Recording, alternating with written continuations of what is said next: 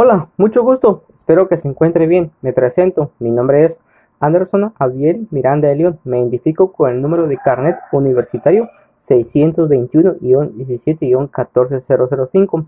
Actualmente estoy cursando el noveno ciclo de la carrera de licenciatura en arquitectura de la Universidad Mariano Galvez de Guatemala, sede Quetzaltenango. Soy originario de Catalina San Marcos. Hoy hablaré sobre los temas vistos en clase del curso de Administración de Horas 3, impartido por el ingeniero Mario Alvarado. Para poder iniciar con este podcast, quiero enunciar que tomaré idea de cada semana del segundo módulo de aprendizaje de dicho curso para luego poder aplicarlo a mi carrera. Entonces, empecemos. Semana 7. Movimiento financiero de la empresa. En el mercado de la construcción, como en cualquier otro, las, las empresas tienen como fin principal generar utilidades a través de la venta de sus productos. Con el objeto de lograr esas ventas se debe de contar no solo con un buen producto que satisfaga las necesidades de los consumidores, sino que también con técnicas de financiamiento adecuadas que permitan optimizar los recursos y aumentar la rentabilidad de los proyectos de tal forma que logre capturar el interés de los inversionistas para desarrollar los mismos para que se debe realizar lo siguiente.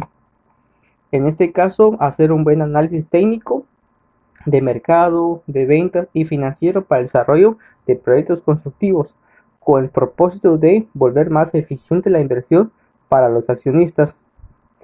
A través de un análisis financiero previo se deberá de seleccionar cuidadosamente la forma de financiar los proyectos de construcción para no caer en el error que el proyecto no sea viable en el tema financiero. Es por eso que se deberá de realizar una evaluación en el impacto financiero y las diferentes formas de riesgo al ejecutar un proyecto. Semana 8. Costos operacionales.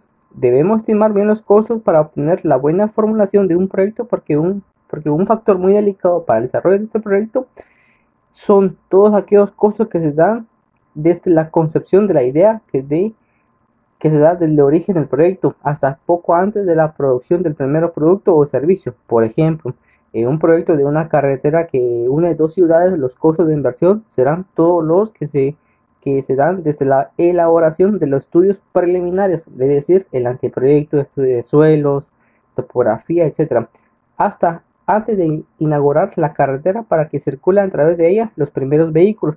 También es importante considerar dentro de los costos de inversión las futuras reposiciones de bien de capital que posiblemente el proyecto requiera.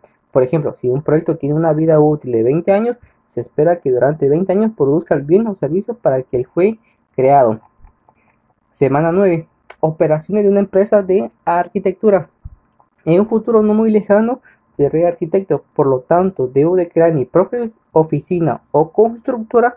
En este caso, debo de plantear y analizar qué servicios profesionales ofreceré. Para eso debes de analizar el mercado laboral para poder definir a qué clientes debo de prestar mi servicio como profesional. Por ejemplo, en mi municipio está en desarrollo de infraestructura. Eso significa que puedo trabajar en lo público para poder realizar construcciones arquitectónicas como son centros de convenciones, salones, etc.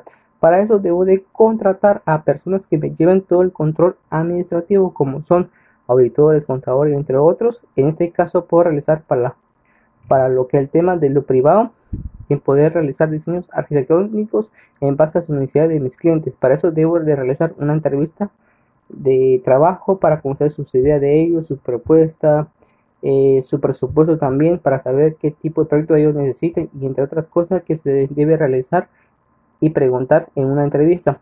Todo con el único fin de poder realizar la propuesta arquitectónica en donde se deberá de exponer a los clientes el proyecto. Cuando se tenga aprobado por parte de ellos se podrá comenzar con la parte del presupuesto.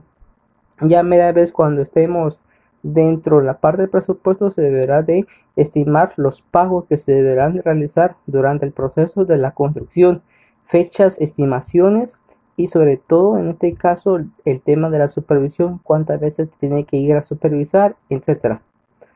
En este caso la semana 10 financiamiento de la obra. Recordemos que en este caso el financiamiento es de una de las partes más importantes para una constructora. En este caso dependerá mucho de cómo el profesional y el tema del cliente fue que se realizó el tema del contrato, el tema del convenio, del lo que sería para poder financiar lo que es un proyecto.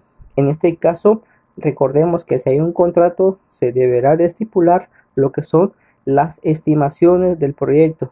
Es decir, si tengo avanzado cierto porcentaje, en este caso de un 20% de, eh, de un cronograma físico, por lo tanto, me tiene que, tengo que realizar una estimación de pago financiero del 20%. O si no, cuando ya tenga, por ejemplo, si estoy realizando una vivienda, una losa, este caso llegaría, por ejemplo, a la mitad, si fuera dos niveles, un nivel, entonces ya sería otro pago. Y estos eh, sería mi tema que me ha tocado, que serían las eh, ideas de cada uno de los eh,